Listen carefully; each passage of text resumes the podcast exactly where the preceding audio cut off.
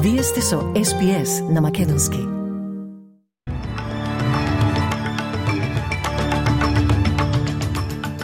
Во овој билтен, американскиот председател Џо Бајден смета дека Иран е одговорен за смртоносниот напад врз американските војници.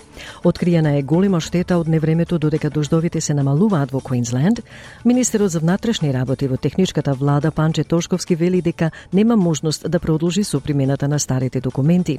И во спортот Азис Бехич од Сокарус е позајмен во Ал Насер од Саудиска Арабија за четврт финалето на Asian Cup. Слушајте не. Thank you. Целосниот обем на штетите од поплавите во југоисточен Квинсленд може наскоро да биде откриен додека дождот конечно ќе се намали. Илјадници останаа без струја, повеќе од 20 училишта беа затворени, патиштата беа пресечени и беа регистрирани 39 случаи на брза помош по вчерашните тешки временски услови во областа. Некои од најтешко погодените беа северно од Брисбен во областа Мотон Бей и Саншайн Кост, додека долината Локје Вели по западно исто така беше поплавена Стив Смит, координатор на пожарникарската служба и службите за вонредни состојби на Квинсленд за програмата Sunrise, ја изрази својата фрустрација кон оние кои не ги слушаат безбедносните совети. Oh, look, it continues to surprise us um, how many people get themselves in those difficulties. So um, we continue to provide the message if it's flooded, forget it, but it continues to happen. So it does create a bit of frustration, um, but in the large part, most people do the right thing and are, are heeding that message and staying informed and doing the right thing and, and, and supporting us in our work.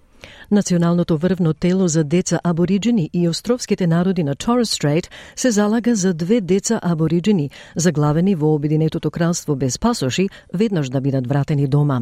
14 годишно момче и 15 годишно девојче кои патувале во UK со нивните британски згрижувачки родители во 2019 година останале заглавени тамо од заклучувањето на пандемијата, додека судовите одлучуваат за нивното старателство.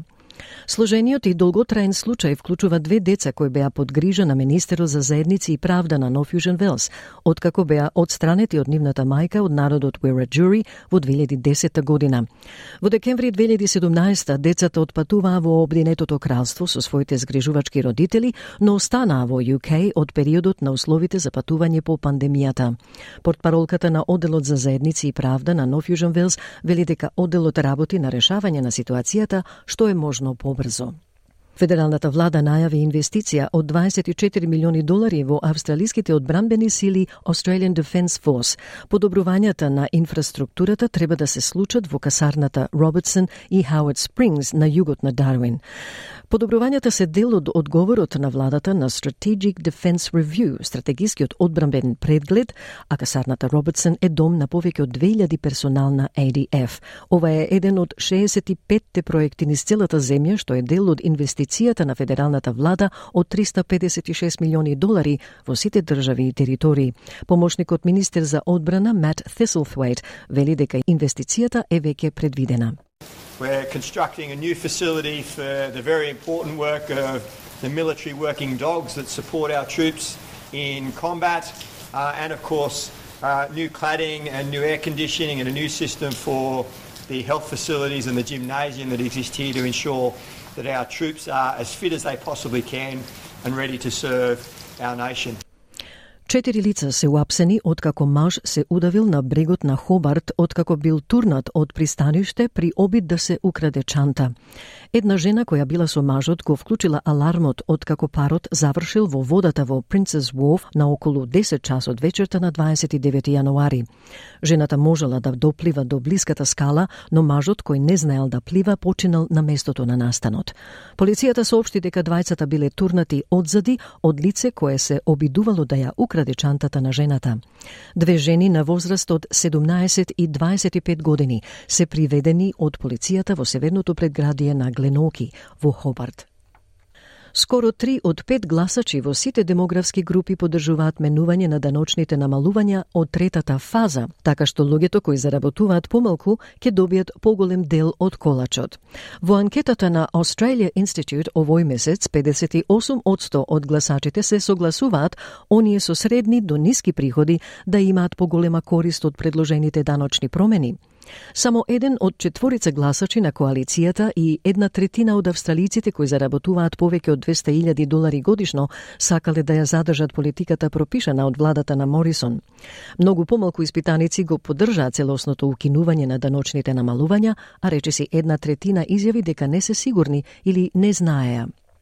Ричард Денис, извршен директор на Australia Institute, вели дека тоа е показател дека гласачите од сите даночни групи во истражувањето од 1017 лица ја препознале оригиналната шема како лоша економска политика.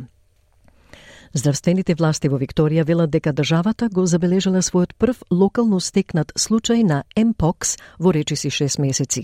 Последниот случај не е поврзан со патување во странство, што укажува на тоа дека можно е да се случува локален пренос. Луѓето со најголем ризик, вклучително и сексуално активните геи и бисексуални мажи, се повикани да се осигураат дека се целосно вакцинирани. Со оптимална заштита, на луѓето им требаат две дози од вакцината Mpox, кои се примаат со расстојание од најмалку 28 дена.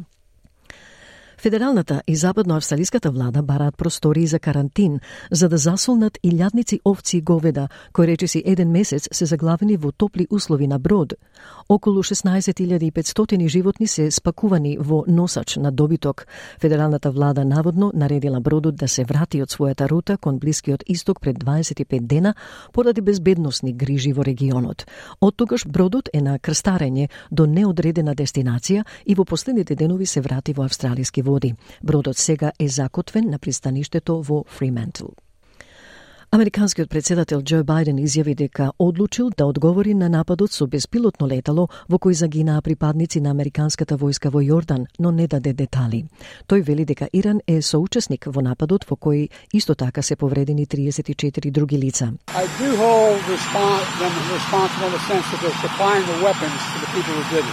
I don't think we need a wider war in the Middle East. That's not what I'm looking for. Господинот Бајден ги одмеруваше своите опции и се очекуваше дека ќе има одмазнички напади, но тајмингот на одговорот беше нејасно. Во меѓувреме, секретарот за печат за Пентагон, Пат Райдер, признава дека се уште има прашања што треба да се одговорат во врска со нападот со беспилотно летало. In terms of additional details about the drone attack itself, we know there are still many questions to include how the one way attack drone could have penetrated the facility's air defenses, its point of origin, and which specific Iranian proxy group is responsible. I can tell you that U.S. Central Command is continuing to look into all those important questions and that we'll keep you updated as new information becomes available as we are able to. What we do know is that Iran backed militias are responsible for these continued attacks on U.S. forces and that we will respond at a time and manner of our choosing. Во нападот врз база на Соединетите Американски држави во Јордан, во близина на сириската граница беа ранети и повеќе од 40 други. Израелските вооружени сили, маскирани како цивили и медицински персонал, извршија рација во болница во градот Дженин на западниот брег, при што убиле тројца палестинци. Палестинското министерство за здравство ја повикува меѓународната заедница да изврши притисок врз војската на Израел да ги запре таквите операции во болниците. Директорот за јавно здравје во Дженин, Уисам Спехат, бил сведок на рацијата. The patient in the hospital is required to have companions with him. Three young men, including the patient and two companions, were assassinated. The way that they broke into the hospital and entered it was carried out as civilians and in civilian clothes, in women's clothes. They impersonated a doctor and dressed in the white coat, and impersonated a nurse and wore a nurse's outfit. Израелската војска тврди дека тројцата палестинци биле милитанти на Хамас, велики дека ја користеле болницата како скривалиште и подготвувале напад. Во меѓувреме Хамас вели дека разгледува нов предлог за прекин на огнот, но израелскиот премиер Бенјамин Нетајаху вели дека неговите сили нема да се повлечат од енклавата додека не постигнат тотална победа. Министерот за внатрешни работи во македонската техничка влада Панче Тошковски во гостување на Сител рече дека проблемот со издавањето на патните исправи може само да се ублажи со добра организација, со соодветно менаџирање и прераспределување на човечките ресурси кои што ги има МВР. Но тој посочи дека нема можност да се продолжи примената на старите документи, бидејќи грчката страна обстојува на почитување на роковите за примена на договореното. Тошковски вчера остварил средба со амбасадорката на Грција во Скопје Софија Филипиду. Неговиот кабинет известува дека Тошковски го поставил прашањето за неповолната динамика со која се обновуваат личните документи во земјата согласно преспанскиот договор. Во гостувањето на Сител Тошковски кажа што му рекла грчката амбасадорка. Амбасадорката јасно си кажа ми каже, извинете, министер, но договорот а, стапил на сила 12 втори, 5 години истекуваат на 12.2.2024. тоа е тоа. Илон Маск тврди дека неговата компанија Neuralink успешно вградила еден од своите безжични мозочни чипови кај човек. Во објавата на X, поранешен Твитер, тој рече дека ветувачката мозочна активност била откриена по процедурата и дека пациентот добро закрепнува. Целта на компанијата е да го поврзе човечкиот мозок со компјутерите за да помогне во справувањето со сложените невролошки состојби. Голем број ривалски фирми веќе вградија слични уреди. И дефанзивецот на Сокеруз Азис Бехич ќе се упати во четврт финалето на Азискиот куп како клубски соиграч на Кристијано Роналдо, откако запечати шокантна позајмица во саудискиот мојкник Ал Насер. Клубот го објави потегот на Бехич позајмица од Мелбурн Сити до крајот на сезоната, а тој ке се упати во заливската држава откако ќе заврши кампањата на Сокеруз во Азискиот куп. И од најновата курсна листа денеска еден австралиски долар се менува за 0,60 евра, за 0,65 американски долари и за 37,22 македонски денари, додека еден американски долар се менува за 56,44 македонски денари, а еврото за 61,11 македонски денари. И времето за утре, Перт сончево 39, Аделаид сончево 28, во Мелбурн делумно облачно 25, Хобарт услови за дожд со 23, Камбера делумно облачно 30 21 степен. Во Сиднеј делумно облачно до 28, во Брисбен делумно облачно 31, Дарвин повремени врнежи 32 и Алес Спрингс сончево 38.